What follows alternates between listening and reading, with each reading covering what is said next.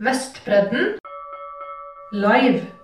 Hei og velkommen til vår tredje episode av eh, Vestbredden live med Magnhild. Kristin. Pernille. Og Vilde. Eh, vi fire var ledsagere på Vestbredden i Palestina fra desember i fjor til mars i år, som en del av ledsagerprogrammet EAPI, eh, som står for Ecumenical Accompaniment Program in Palestine and Israel. Dagens episode eh, så skal vi fokusere på Israels annekteringsplaner av Vestbredden. Og med oss for å snakke om dette, så har vi seniorforsker Jørgen Jenshaugen fra PRIO, som er Institutt for fredsforskning i Oslo. I tillegg til å være forfatter av boka 'Arab Israeli Diplomacy Under Carter' fra 2018, så står han også bak en haug med akademiske artikler om temaet, som er publisert i ulike tidsskrifter og um, aviser. Så vi er veldig veldig glad for å ha deg med oss i dag, Jørgen. Hei og velkommen. Takk, takk. Hyggelig å være her. Tusen takk for at du har muligheten til å være med oss i dag. Eh, og vi eh, gleder oss til å høre mer om dine synspunkt. Men aller først så skal Pernille kort fortelle litt om hva ledsagerprogrammet er, som vi har vært en del av. Magnhild, Vilde, Pernille og jeg. Eh, og deretter så skal Vilde fortelle litt om eh, hva The Deal of the Century innebærer, før vi fyrer løs med spørsmål til eh, Jørgen. Ja, Ledsagerprogrammet det ble oppretta av Kirkenes hverdagsråd allerede i 2002, og består av partnere i rundt 20 forskjellige land. I Norge så er det Kirkens Nødhjelp som er koordinator for den norske deltakelsen. Og Partnerlandene sender ledsagere fra hele verden til Israel og Palestina for å observere situasjonen. Ledsagere fungerer som en nøytral tredjepart og samarbeider både med israelske og palestinske ikke-voldelige organisasjoner. Vi opptrådte både som en internasjonal tilstedeværelse, og vi rapporterte brudd på menneskerettigheter og internasjonal humanitær rett. Den sendinga her baserer seg bl.a. på våre personlige opplevelser eh, fra vår tid som ledsagere. Og synspunktene våre uttrykker ikke nødvendigvis eh, de samme synspunktene som Kirkenes eh, hverdagsråd eller de norske senderorganisasjonene. Men dagens tema er som nevnt annekteringsplanen til Israel og den såkalte fredsplanen The Deal of the Century. Kan ikke du, Vilde, fortelle oss hva den går ut på? Jo, det kan jeg, Pernille. For 28.1, uh, uh, kort tid altså etter at vi reiste til Palestina, så annonserte USAs president Donald Trump århundrets fredsplan. Uh, planen har som mål å få slutt på Israel- og Palestina-konflikten, og den ble utarbeidet på forespørsel av Israels statsminister Benjamin Netanyahu, uten deltakelse eller innspill fra palestinske myndigheter. Eh, planen skapte stor furore blant palestinerne når vi var der. Eh, jeg observerte bl.a. demonstrasjoner mot den. Uh, palestinerne er kritiske til planen på stort sett alle områder. Men et særlig problem er at den støtter israelsk annektering av rundt 20-30% av Vestbredden.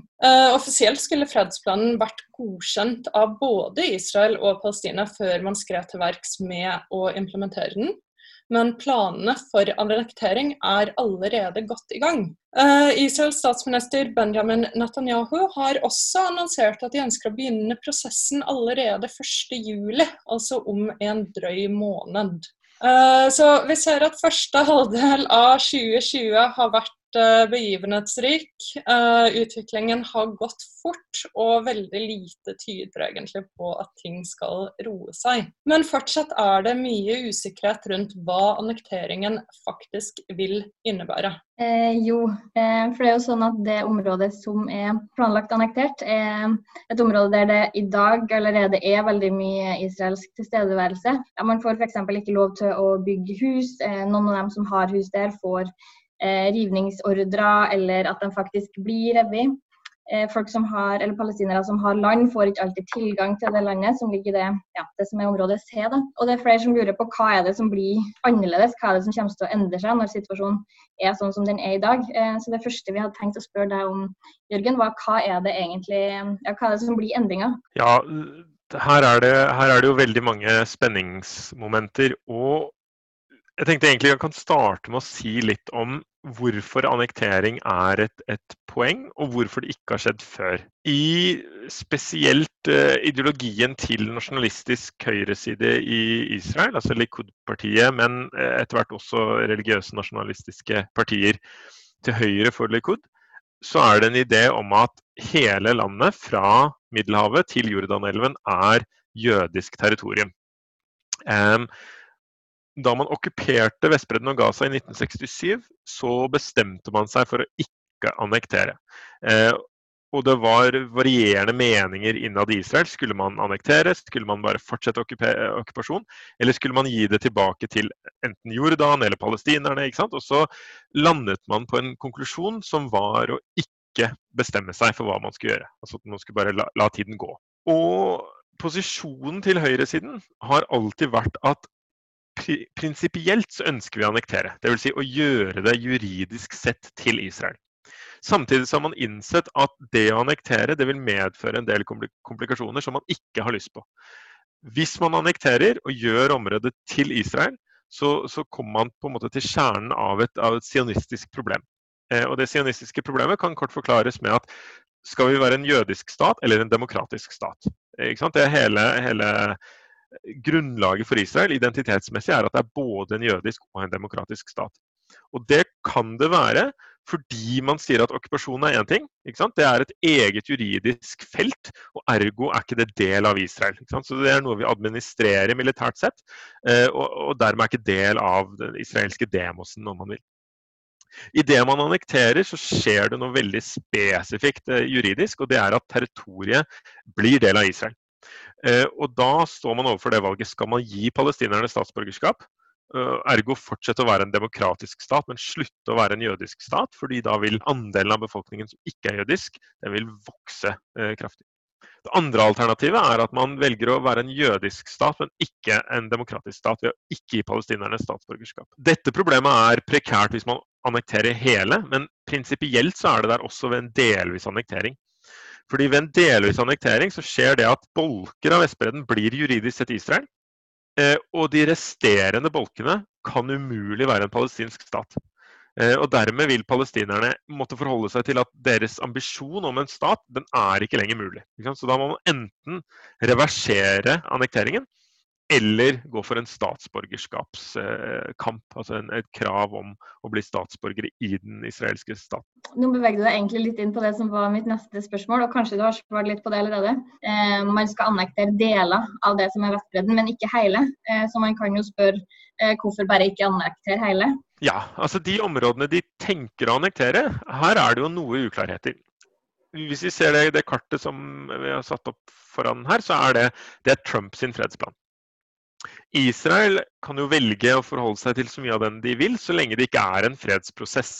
Så da, Dette er et sånn klassisk Netanyahu-grep. Han tar det han får, og så ber han om mer i neste runde. Da, da, kan man starte med dette som et sånn minimum neste gang, eh, og så kan man forhandle om, om mer. Og det som, som, det er snakk om i første omgang, det er annektering av de store bosetterblokkene og Jordandalen. De store bosetterblokkene fra et sånn israelsk perspektiv har den fordelen at der bor det mange eh, jøder og nesten ingen palestinere. Sånn at uh, Fra et israelsk perspektiv så får du da mer land eh, uten å få med palestinere. Eh, det er dette som kalles the bride and the dowry-fenomenet. At man, man, ønsker bruden, men ikke å måtte betale medgiften. som er et sånn politisk ordtak i, i Israel. Jordandalen er en litt annen sak. I Jordandalen der bor det ganske mange palestinere. Samt at dette er noe av det viktigste jordbruksområdet i en fremtidig palestinsk stat. Og det er det som er den avgjørende grensen til Jordan. Sånn at der faller det seg litt eh, annerledes. Men ser man historisk på det, så er det på en måte en, en, en, lang rekke med israelske statsledere som ønsker å beholde Jordandalen. Så det, det er ikke et sånn Likud-prosjekt i seg selv. Det er et sånn tradisjonell israelsk prosjekt om at landegrensene og den, den fruktbare Jordandalen den skal vi ha kontroll over uansett utfall. Og og Jordandalen, som du sa, der bor det jo mange, mange palestinere. Eh, det er jo veldig mye bra områder for å dyrke, dyrke mat, eh, som har vært tenkt som en viktig del av en potensiell framtidig palestinsk stat.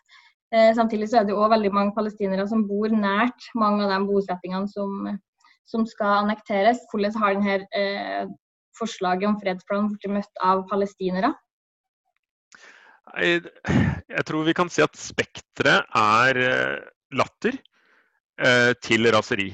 Altså det er, det er, ingen som tar den eh, alvorlig på en, en, positiv måte. Det som skiller denne planen fra tidligere amerikanske planer, det er at den er så totalt ensidig. Altså amerikanerne Nok en gang, hvis vi ser historisk på dette, så har amerikanerne alltid vært mer pro-israelske enn de har vært pro-palestinske. Men det har vært visse prinsipper som har ligget fast i amerikansk utenrikspolitikk eh, i denne konflikten. Det ene er at Jerusalem er et såkalt sluttstatusspørsmål. Og man skal ikke på en måte avgjøre Jerusalems skjebne før man er i siste fase. Og da skal man forhandle om en, en løsning. Det andre er eh, flyktningspørsmålet, hvor man har sagt at Eh, det er også et sluttstatusspørsmål som skal forhandles. Eh, og det tredje er prinsippet om, om landområder. Og Der har prinsippet vært 1967-linjen. Eh, Dvs. Si at palestinerne skulle få ca. 22% av det historiske Palestina. Og som følge av, av det, så er, innebærer det også at bosettingene er eh, ulovlige. Eh, og skal da sant, evakueres.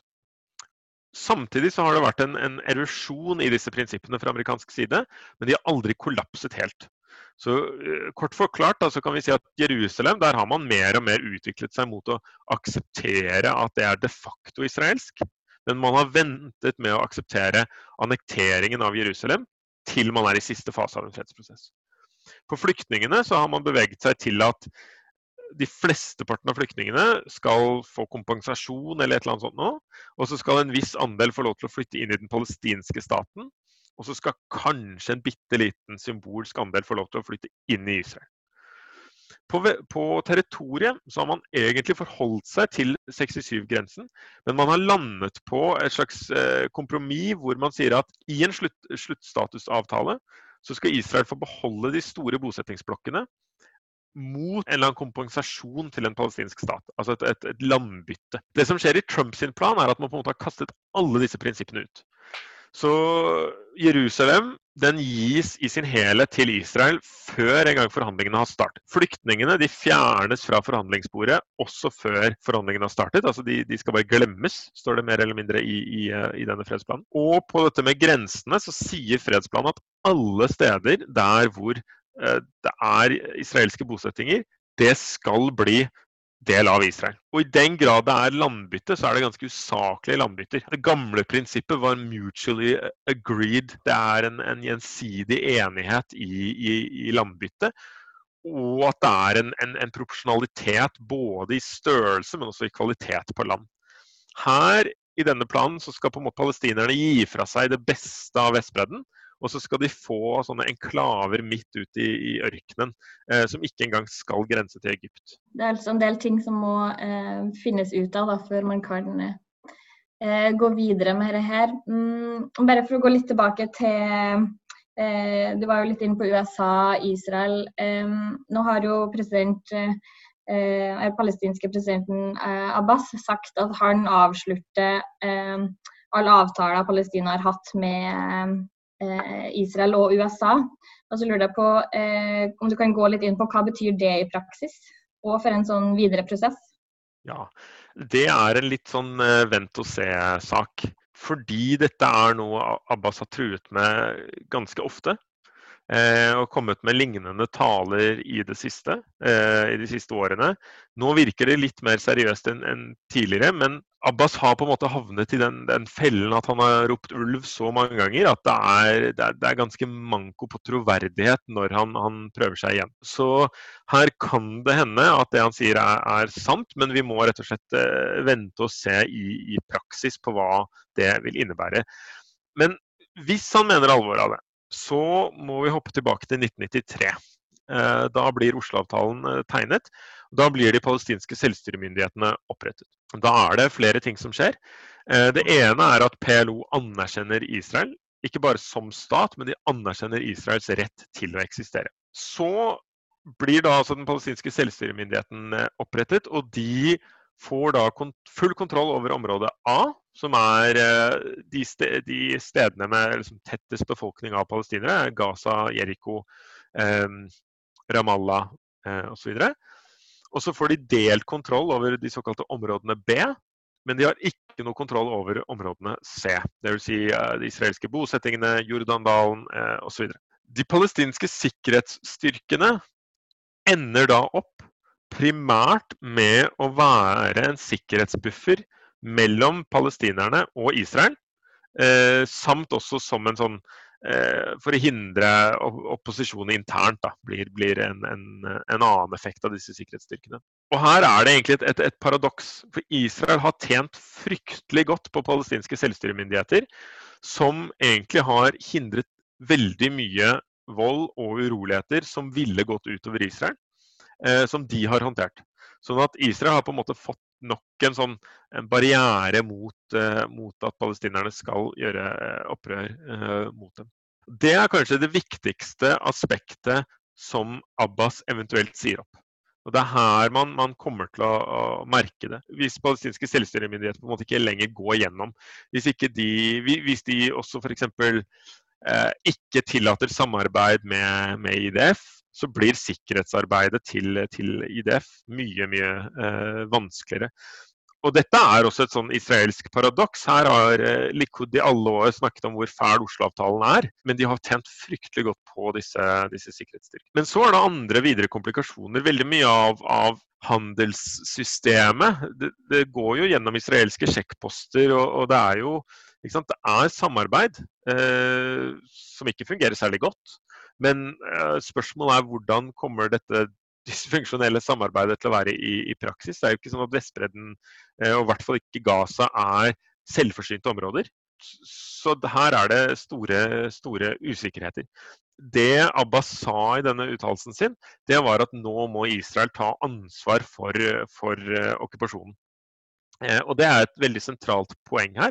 Det er nemlig at veldig mye av kritikken mot de palestinske selvstyremyndighetene har vært at de har på et vis subsidiert okkupasjonen. Altså De har gjort okkupasjonen billigere fordi de har tatt seg av veldig mange av kostnadene.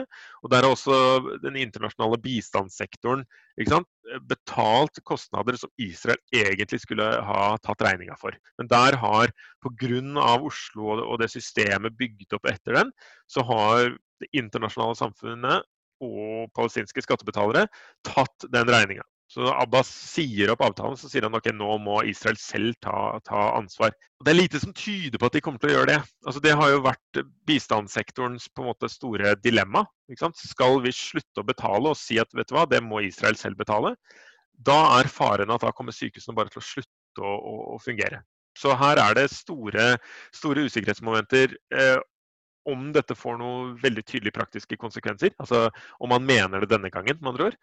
Eh, mm. og hvordan det kommer til å fungere i praksis hvis han faktisk mener det. Um, veldig mye av dette her er jo godt linka til juss og folkerett. Så Pernille, kanskje du vil fortsette litt på det? Um, et spørsmål er om annekteringa i seg sjøl er et brudd på internasjonal lov, Um, og det kan tenkes at brudd på internasjonal lov som allerede er begått, eller som begås nå, nødvendigvis må opprettholdes for å gjennomføre planen om annekteringa. F.eks. vil uh, ulovlige israelske bosettinger fortsatt uh, å være der de er. Det er usikkert hva som kommer til å skje med flyktningene, som du var inne på. Tilgang til vann vil kanskje fortsatt være problematisk. Og um, da jeg var i Jordandalen nå, um, var det flere som spekulerte i om det å komme til å bli bygd en mur mellom annektert område og resten av Vestbredden. Og som vi vet er den muren som allerede er bygd mellom Israel og Palestina, dømt ulovlig av den internasjonale domstolen i Haag. Men um, ja, vil du si litt om en uh, annektering vil være brudd med internasjonal lov? Ja, nå er jeg ikke noen folkerettsekspert, men sånn som jeg eh, har forstått det, så, så, vil det være det. Det er jo det vi har sett når, eh, da, da Russland annekterte Krimhalvøya, så ble det sett på som, som brudd på, på, internasjonal lov. Um, det samme egentlig med, med Israels annektering av, av Golanhøyden tidligere og uh, Stor-Jerusalem. Uh, hvor det er ikke noe særlig land som, som anerkjenner de eh, annekteringene.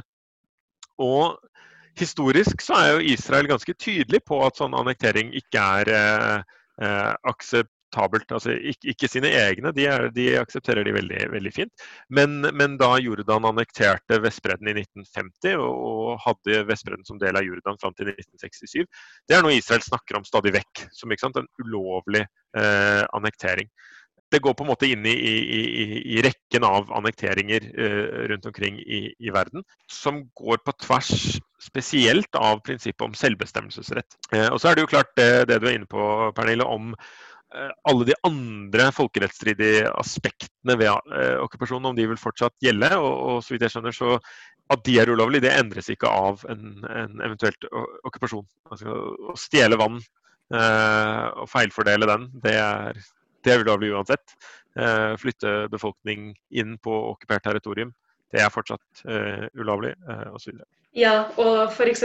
med flyktninger. Um, etter opprettelsen av Israel så resulterte det i ca. 800 000 palestinske flyktninger. Og flyktningstatus går i arv, og i dag er det ca. 6 millioner palestinske flyktninger som har en rett til å returnere. Hva er dine tanker om eh, framtida til palestinske flyktninger? Nei, den, den, ser jo ikke lys ut, og det har den dessverre aldri gjort. Det er, um, det er et eh, enormt flyktningproblem, eh, hvor det er generasjon på generasjon som nå blir født i, i, uh, i flyktningleire. Um, og det er, det er, lenge siden man, man har, har, snakket om i noen fredsprosess om en full returrett. Uh, men like fullt så snakker man om returretten, altså prinsipielle returretten, den snakker man om fortsatt. Men forhandlingene har gått i, i retning av at man snakker om en, en delvis returrett i praksis, eh, men en erstatning og en anerkjennelse for de som ikke får den innvilget i, i, i praksis. Sånn at man, man vedlikeholder eh, prinsippet, men, men, anerkjenner at praksisen blir vanskelig, om, om ikke umulig men det har alltid vært noe man skal forhandle om. Altså noe som skal være med i, i, eh, i prosessen. Mens i Trumps planen så, så, er det helt fjernet. Altså det er en idé her om at man skal legge ned UNRWA, som er FNs organisasjon for de palestinske flyktningene.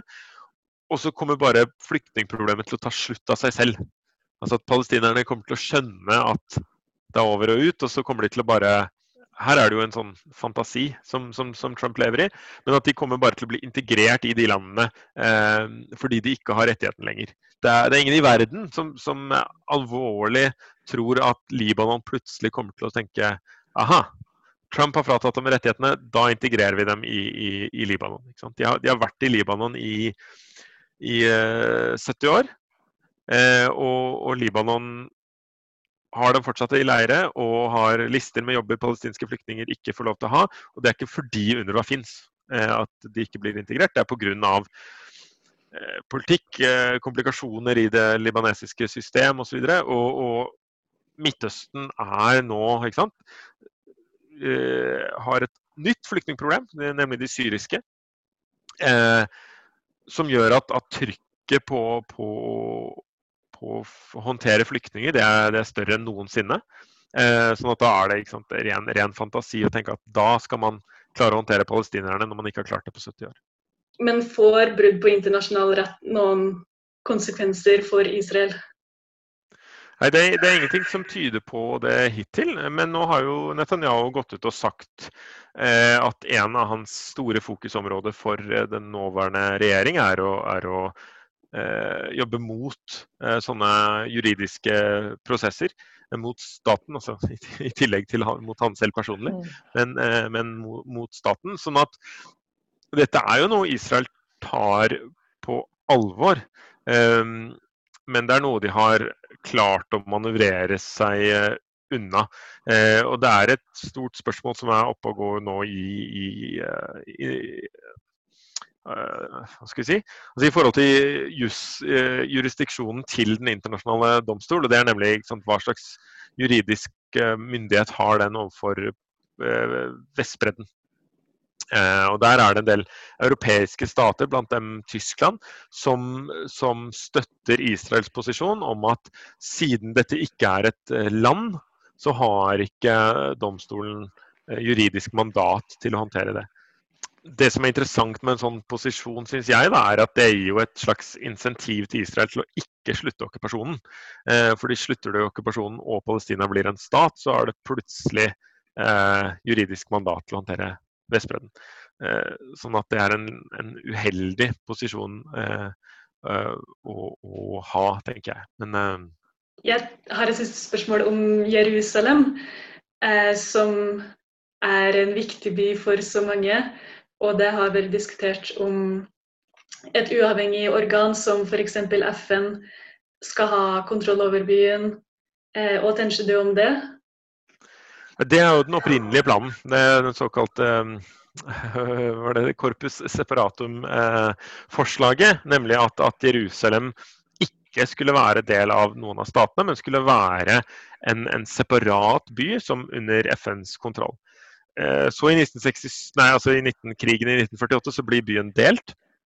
Eh, og, og, den delingen varte til og med krigen i 1967, hvorpå Israel annekterte hele. Jeg tenker at eh, man må finne en, en, konstruktiv løsning på Jerusalem. Det er en fryktelig vanskelig by å, å håndtere. Eh, og det må være en løsning som, som eh, si, forholder seg til kravene til, til, begge parter, nettopp fordi den er så symboltung. Og når man tenker på at ingen av partene kan få sine absolutte krav, så, så må man tenke kreativt. Og der, kan, der er løsningene fryktelig mange. Man kan enten gå til at sant, hele Jerusalem er en internasjonal by, sånn som den opprinnelige ideen var. Eller man kan tenke at det er en, en delt by, sånn som eh, fram til 1948, med noen sant, korridorer eh, så, som er mulig å, å krysse. Eh, eller f.eks. at man tenker at gamlebyen, for det er der de symboltunge områdene er, det ligger under et FN-mandat, eller at det ligger under en sånn eh, delt religiøst mandat. Her, her, er det masse forskjellige eh, muligheter. Eh, men det man ikke kan ha, det er en løsning som, som ligger i, i, Trumps plan. At eh, Israel får absolutt alt. Eh, og som det står på et eller annet merkelig Kanskje en av de mer merkverdige stedene i fredsplanen, at palestinerne kan ha en hovedstad hvor de vil, egentlig. Eh, og de kan godt kalle den Al-Quds hvis de vil. Eh, og så kommer det med et, Al-Quds er det arabiske navnet på Jerusalem. Og så kommer det med et forslag hvor, hvor de kan ha det. Det er som Abodis og eh, eh, en naboflyktningleir. Og så kan de kalle det Al-Quds hvis de vil. Det var jo et flott tilbud. Ja.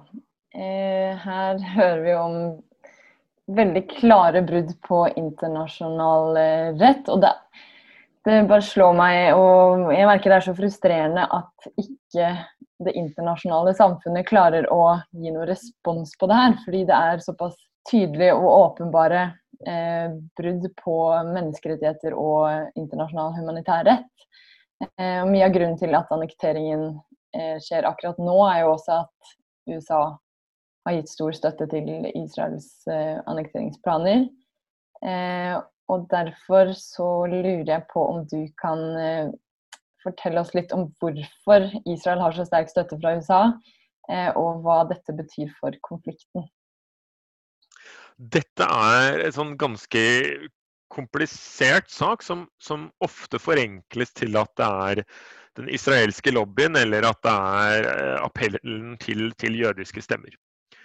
Begge de to stemmer, men det er mye mye større enn en det.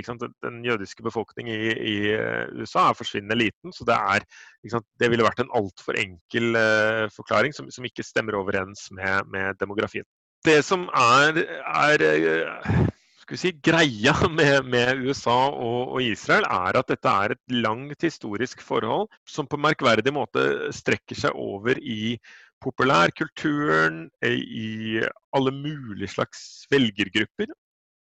Enten det er den amerikanske jødiske befolkning, eller det er sant, evangelistene, sterkt kristne grupper som, som sant, eh, fra de mest ekstreme som mener at sant, dommedagen kan bare komme når eh, det jødiske stat har blitt eh, opprettet. Det er koblingen mellom sant, disse fronterestaten, som, som, er USAs egen identitet. Det er ideen om denne eneste demokratiet i, i Midtøsten. Um, det er um, den his historisiteten fra den kalde krigen, hvor Israel var USAs alliert mot uh, araberstatene, som, som, i stor grad var Sovjetunionens alliert alle disse tingene, samt selvfølgelig de store koblingene mellom militærindustrien osv. Så sånn at der, her er det et, et multifasettert uh, bilde. Det er liksom lag på lag med identitet og interesser uh, som, som, gjør at her er det en, en, en sammenkobling. Og det er også, og dette er, sant, dette er, noe som ofte er glemt, det er fravær av en, en samlet arabisk front. Både sant, i Midtøsten, men vel så mye i USA. De arabiske amerikanerne har ikke klart å mobilisere på en strukturert eh, måte for å få støtte for sin sak. Sånn at arabiske motnarrativet har ikke slått gjennom i USA på noen som helst betydningsfull eh, måte. Eh, og når det gjelder de, de, arabiske statene i Midtøsten, så er det jo sånn at de, de har egne interesser og, og jobber eh, ofte mot hverandre. Som gjør at heller ikke de har klart å på en måte mobilisere bak eh, sitt narrativ overfor USA. Saudi-Arabia kan gjerne snakke fint om, om, palestinerne, men i praksis så bryr de seg ikke så mye. Da er det viktigere å ha et godt forhold til USA når det gjelder salg av, av olje, kjøp av våpen eh, osv.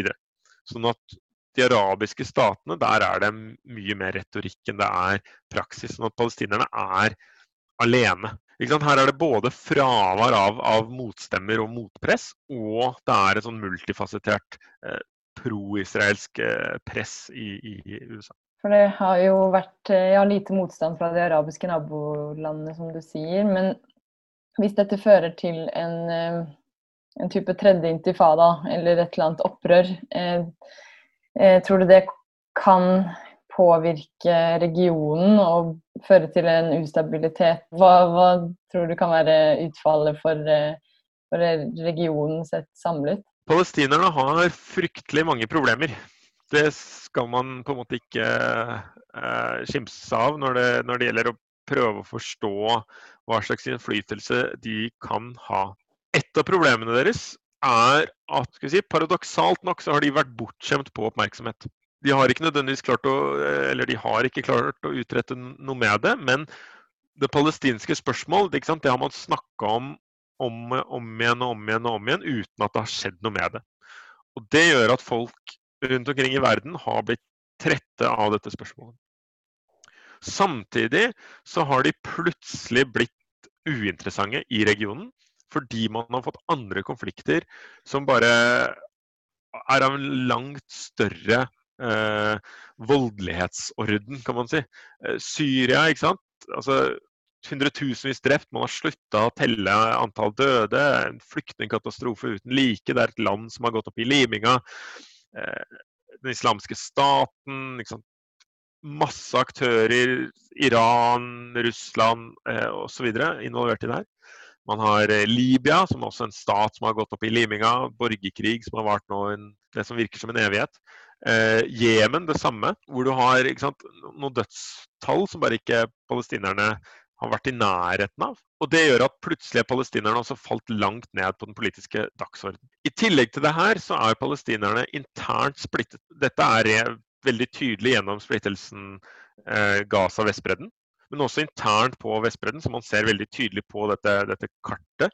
På et vis er det en refleksjon av hvordan det ser ut i dag. De som har reist rundt på Vestbredden, vet jo det. At det er, er det veier som er bare for israelere. Det er sjekkposter, det er muren. Det er, det er, ikke, det er ikke, noe lett å bevege seg fra Hebron til Nablus. Israel har, har kontroll over, over, territoriet.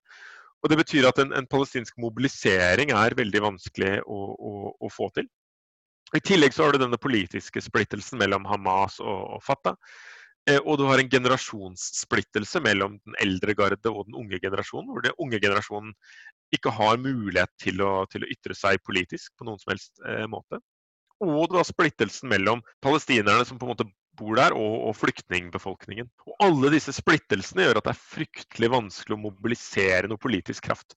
Og, og Da vi hadde den såkalte knivintifadaen, så så man det. Her var det ikke noen partier eller bevegelser som mobiliserte. Dette var palestinske individer som begikk eh, knivangrep mot eh, israelere, og stort veldig ofte endte opp med å bli, bli, drept. Og de hadde ikke noe særlig annen politisk mobilisering enn en sånn vanvittig frustrasjon. Og Dette gjør at det er veldig vanskelig å se for seg en ordentlig palestinsk mobilisering som, som medfører noe, noe, politisk. Med mindre eh, man får til en sånn drastisk endring i Palestina. Man kan spekulere i om en annektering vil trigge noe sånt nå. Altså at palestinerne mobiliserer om en, en ny visjon. Um, for det, det, er også et poeng her. Den, den, visjonen til, til, uh, til, PLO om en forhandlet løsning, den har jo bare forsvunnet. Alle disse årene med forhandlinger så får man virker som man får mindre og mindre og mindre. Og Hamas sin visjon om, om, om frigjøring eh, gjennom eh, militant mobilisering, den har jo også forsvunnet ved at man har liksom fått denne semistaten i, i, i Gaza, som, som, egentlig har blitt på en måte en slags politistat eh, i seg selv. Sånn at her er det, her er det, fryktelig, det er et fryktelig trangt rom for, for palestinere å, å, mobilisere politisk i. Og um, Norge har jo gitt mye bistand eh, i årenes løp. Eh, over 7 milliarder kroner siden 2005 eh, og vært eh, mye på dagsorden i, i, Norge. Og EU er jo en stor handelspartner med Israel. Tror du EU eller Norge kan ha noe eh, rolle i den, den videre, en fremtidig fredelig løsning eventuelt? Jeg ser ikke for meg at de har en, en, en rolle å spille som en forhandler eller i en, i en forhandlingsprosess. Problemet til EU, hvis vi starter der, det er at det er en, sånn, en samling av stater med veldig mange forskjellige meninger og, og interesser. EU er kanskje den aktøren som kunne eh, gjort mest overfor eh, Israel. EU er Israels største handelspartner. Eh, EU har veldig mange avtaler med, med Israel. Og EU er veldig tydelig i teorien på at de støtter en tostatsløsning. Problemet er at disse interne motsetningene gjør at det er veldig vanskelig for EU å mobilisere det politiske verktøykassa den har. Kan bare, jeg kan bare nevne noen av verktøyene EU har til sin rådighet. De kan eh, f.eks. anerkjenne en palestinsk stat med en sånn veldig tydelig territoriell klausul som sier at vi anerkjenner alt innenfor 67-grensen som den palestinske staten. Eh, det vil ikke gjøre noe i seg selv, men det vil på en måte eh, være en, en pådriver for at dette er et prinsipp man, man står bak. Eh, de kan iverksette en såkalt differensieringspolitikk. Differensieringspolitikken går ut på å si at Israel og de okkuperte territoriene det er to helt forskjellige ting. Sånn at de økonomiske fordelene man får å være en israelsk produsent gjennom handelsavtale med EU. Det gjelder ikke hvis det er produsert i, i bosetting. Dette er der i, i teorien, og produkter må, må, merkes med at de er produsert i en bosetting versus om de er produsert i Israel. Men så har det liksom ikke noen konsekvenser utover det. Her kunne man på en måte skrudd opp intensiteten på differensiering og sagt at alt som er produsert i bosettinger, det er ulovlig. Eh, det er en lov man prøver å få gjennom i Irland nå. Og det burde jo egentlig vært standarden i hele EU. Hvis man mener at bosettinger er ulovlig, så burde man jo også si at produktene derfra er ulovlig. Det man isteden sier, er at så lenge vi merker det, eh, så er det opp til kundene om de vil velge å, å bryte internasjonal lov eller, eller, ikke. Eh, men, men, EU i seg selv skal ikke, skal ikke, gjøre det. Og så er det en del andre ting. Man har eh, bilaterale avtaler mellom EU og Israel. Her kunne EU sagt OK, siden dere fortsetter å okkupere, så avsluttes disse avtalene. Eller hvis dere annekterer, så vil de avtalene eh, avsluttes osv. Eh, men, men, men som sagt, pga. disse interne splittelsene i EU, så, så, klarer man ikke å få til en konsensus om, om slike grep. Og Norge, er det noe Nei. Ja, det, er eh, planla å følge opp med Norge. Ja. Norges holdning er enig av differensiering, vi er enig i anerkjennelse av Palestina. Vi støtter en tostatsløsning, men vi skal ikke være først. Vi skal heller ikke være nummer to. For Sverige var, no, var nummer én. ikke sant? Eh, det, vil si det er vel 133 land som anerkjente den palestinske stat. Så vi skal i hvert fall ikke være nummer 134. ikke sant? Vi skal vente til EU går foran. Det, det er illustrerende for Norges holdning. ikke sant? Veldig eh, på en måte prinsippene på, på, på riktig plass, men man, man, skal ikke handle alene. Man skal gjøre det som et kollektiv. og Da skal man ikke på en måte dra kollektivet, man skal bli med i kollektivet. Um, og, og, det er også litt av EUs problem. Eh, du har land som på en måte er mer på den pro-palestinske siden. Sverige, Irland eh, osv. Så, videre. så det som kan tenkes, da, det er jo at ved en annektering så får man et, et knippe EU-land som iverksetter politikk, uten at man får EU til å iverksette politikk. Kanskje Norge kan tenkes å, å bli med i en sånn klubb, av land som, som tar grep. Eh, men jeg ser ikke for meg at EU som helhet kommer til å gjøre det. Og Hvis ikke mange, en, en sånn håndfull land gjør det, så tror jeg ikke Norge kommer til å gjøre det alene. Nei, nå ser jeg Tiden renner fra oss også, men har det, du eh, noen siste spørsmål om den interne prosessen i Israel, Vilde? Ja, for uh, vi har jo snakka litt nå om uh, Israels forhold til Palestina, til uh, det internasjonale samfunnet og til folkeretten. Uh, og Du nevnte jo det her med at uh, Palestina f.eks. Er, er en altså, splittet og sammensatt uh, nasjon. Israel er jo altså, fragmentert politisk, store skiller mellom fattig og rik og en sammensatt befolkning, hvor mange har egentlig relativt nylig strømmet til landet fra alle verdens hjørner. Så Jørgen, jeg lurte på, Kunne du bare kort kanskje fortelle litt om hvordan de interne politiske og sosiale dynamikkene i Israel påvirker eh, politikken som landet fører internasjonalt, og spesielt da altså knyttet til eh, eh, annekteringen av Vestbredden? Ja, der er det jo nok en gang fryktelig mange, mange nivåer. da. Israel har en hel haug rekke interne splittelser. Den mest åpenbare er mellom den jødiske befolkning og den ikke-jødiske befolkning. Det vil si mellom altså, Ca. 80 av, av befolkningen er, er, jødisk, og ca. 20 er eh, palestinske borgere av Israel. Og Dette medfører en del komplikasjoner i, i, i Knesset. og Det vi så som har eh, lettere problematisk, da, er at man, har, man fører en sånn politikk internt som sier de arabiske partiene de blir sett på mer eller mindre som illegitime. Altså at Det er helt uhørt å ha dem med i en regjering. Så man har liksom en sånn 10-15 av, av Knesset, altså nasjonalforsamlingen i, i, Israel, er på en måte tatt ut av kalkylen når man skal lage regjeringer. Så når man skal prøve å lage en regjeringskabal, så trekker man fra de. Så man har en, en, et parlament på 120, og så skal man ha 61 Eh, mandat, altså personer i, for å få en regjeringsmandat. Og så trekker man fra de liksom 15 eller hva det nå ble da de arabiske partiene fikk. Og så skal man klare å få 61 ut av resten. Eh, så, så, det er det ene, ene aspektet.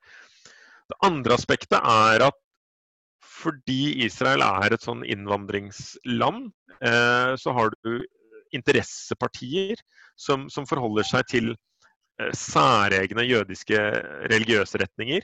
eh, sær, særegne befolkningsgrupper. De østeuropeiske jødene, de, de afrikanske eller arabiske jødene osv.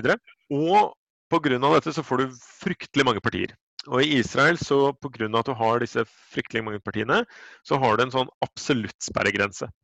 For å hindre at, at nasjonalforsamlingen skal bli helt kaotisk av, masse småpartier. Det som skjer med denne sperregrensen, det er at hvis du havner under den, så får du null mandater. Så det er veldig mange stemmer som på en måte bare blir bortkasta fordi et parti får bitte litt under sperregrensen, og dermed blir ikke de stemmene telt. Så det er, det er, liksom komplikasjon nummer to. Og komplikasjon nummer eh, tre er at du har en skillelinje mellom religiøse partier og sekulære partier. Så klassiske sekulære partier? Arbeiderpartiet, som nå har blitt bitte små, men det er liksom det historiske store sekulære partiet. Eh, Likud er et sekulært parti, selv om medlemmene der kan være religiøse, men deres valgplattform er ikke religiøs. Og så har du de religiøse partiene som deres politiske interesser er religiøse. Eh, og da, da, da, ender man opp med å lage sånne politiske konstellasjoner hvor man på en måte må få med veldig mange partier som står ganske langt fra hverandre. Og, det var en av grunnene til at man måtte inn i veldig mange valgrunder nå. Fordi ett av partiene som er et sekulært parti på høyresiden, de sa at vi gir ikke etter for kravene til de religiøse.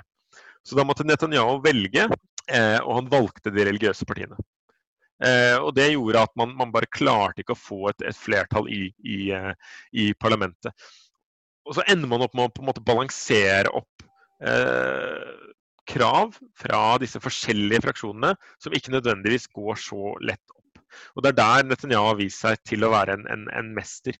Eh, ved å på en måte klare å tilfredsstille alle akkurat nok til at de holder, holder ut med hverandre. Denne her annekteringsplanen virker jo litt sånn eh, kaotisk, og det er mye usikkerhet rundt den. Er det på noen måte knytta til det eh, litt sånn vanskelige interne politiske landskapet i Israel, eller?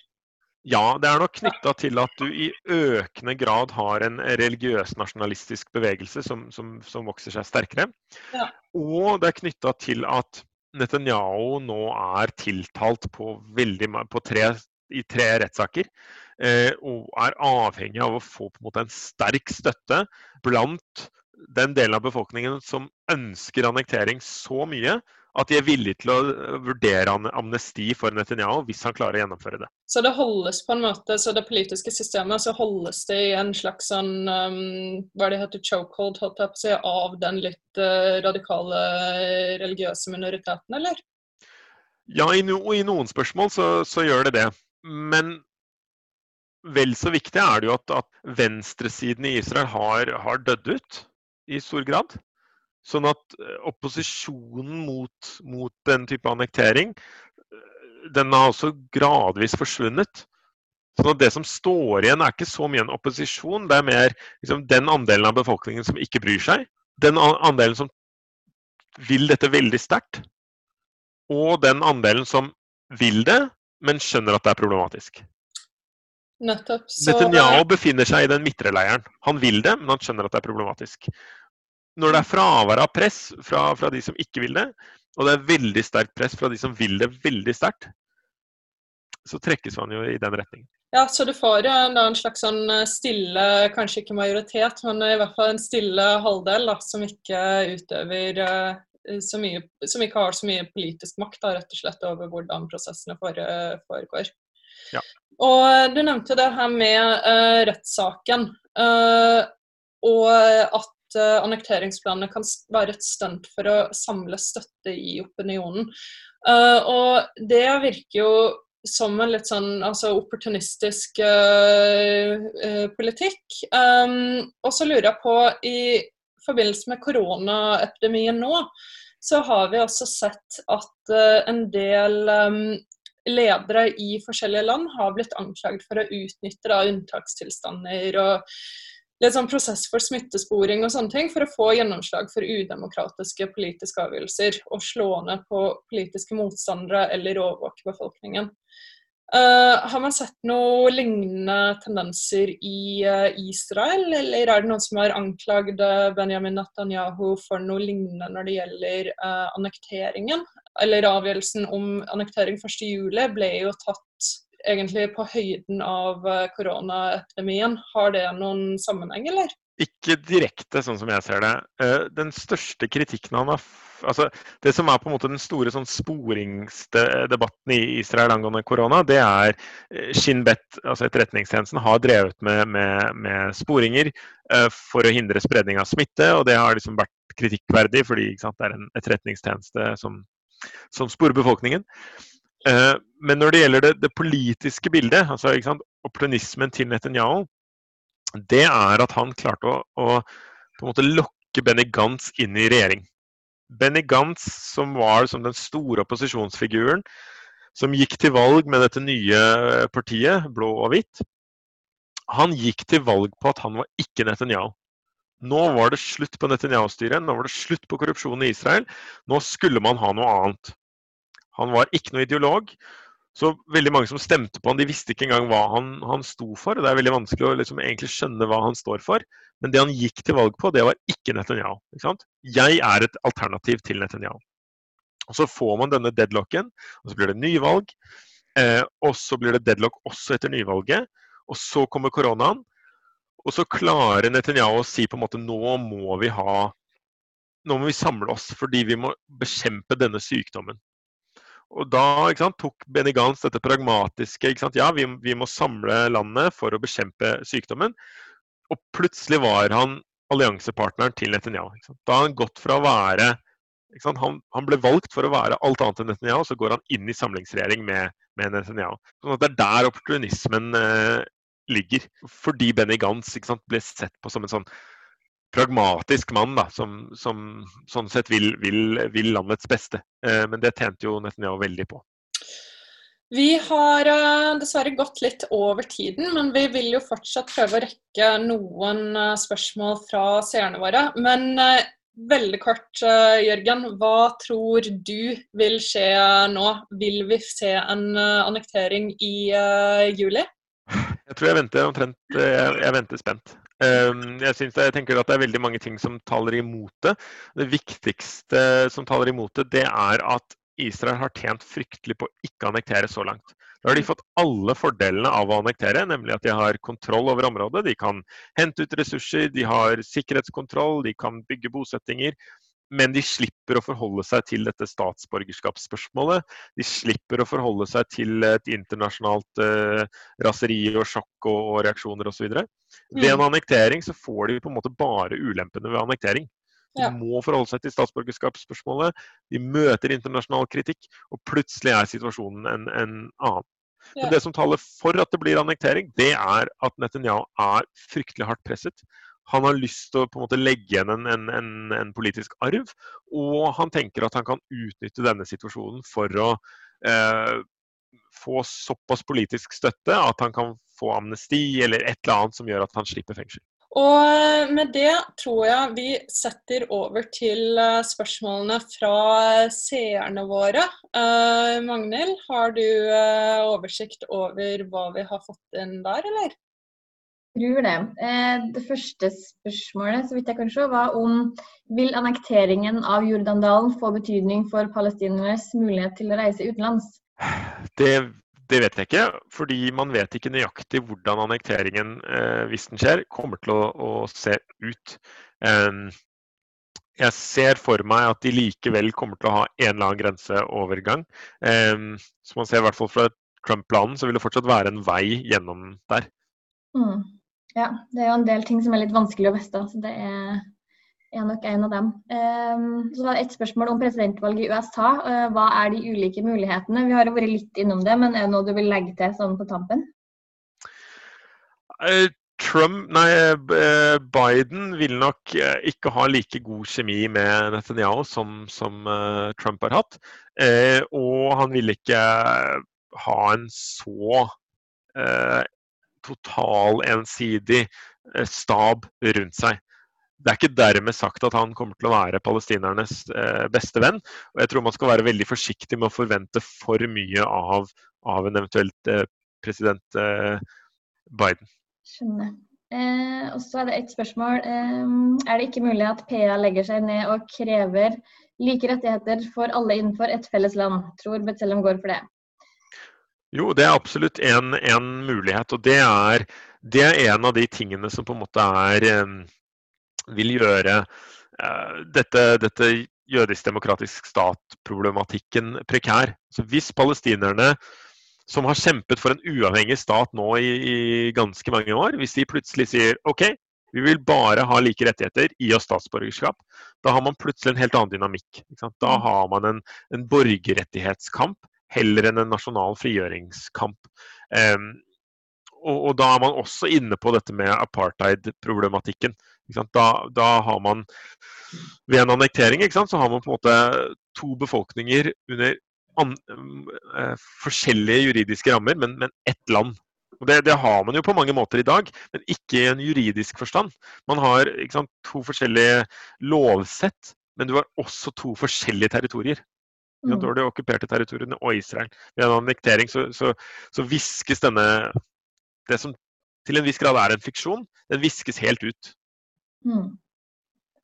Og ser man da på forholdet mellom befolkningstallene da, og økningen, eller sånn fertilitetsøkning i befolkningene, så, er, så, ser det kanskje ikke ut til at Israel ønsker en demokratisk stat som som gjør at eh, de blir undergravet selv? Nei. Hvis man, her kommer det veldig an på hvordan man teller. Israel vil selvfølgelig at Gaza ikke skal telles. Men hvis man teller med Gaza, så er man omtrent på 50-50-punktet allerede. I, I, området som helhet. Mm. Så Det bidrar muligens òg inn til å svare på det spørsmålet vi, eh, vi snakka litt tidligere om eh, hvorfor ikke bare ta hele området. At det er en del ja, kompliserende faktorer der. da. Eh, og så det siste spørsmålet, i hvert fall så vidt jeg kan se, det er sivilsamfunnet bygger BDS-kampanjen, både differensiering og bredere boikott av sanksjoner. Dette gjør noe med maktubalansen. Global, globalt BDS-press, som startet med Sivsam aksjon og ble etter hvert statlige sanksjoner, fungerte i Sør-Afrika. Vil det fungere for Palestina? Foreløpig så ser jeg ikke noe tegn til at det fungerer det er ikke dermed sagt at det ikke vil fungere, men foreløpig så er det eh, en, en, en liten, men høylytt bevegelse. Eh, for at det skal ha noe å si, så, så, trenger den type ting trenger bred støtte. og Det er derfor jeg tenker eh, differensieringspolitikk fra bl.a. EU. Ja, det er en sånn sannsynlig mekanisme som, som kommer til å utøve press på, på Israel. Det er veldig lite i, i bredere internasjonal politikk nå som, som peker i retning av at, av at, eh, BDS kommer til å få gjennomslag. Um, mens det er en del ting som tyder på at en sånn differensieringspolitikk har en del potensiell grobunn på statsnivå. Takk for spørsmålet vi har fått inn. Jeg kan ikke se at det er noe mer. Eh, så da tror jeg vi, vi runder av her. Eh, vil si tusen takk til Jørgen Jensehaugen, som har svart på alle de spørsmålene vi hadde, og um, dem fra streamen. Uh, jeg syns det har vært kjempespennende. Uh, og håper dere som har sett på uh, og syns det var nyttig. Det er jo en haug med spennende ting som skjer framover. Ja, så takk for at dere så på oss. og så er det bare å stay tuned for neste live. Takk, takk. Ha det godt. Ha det godt.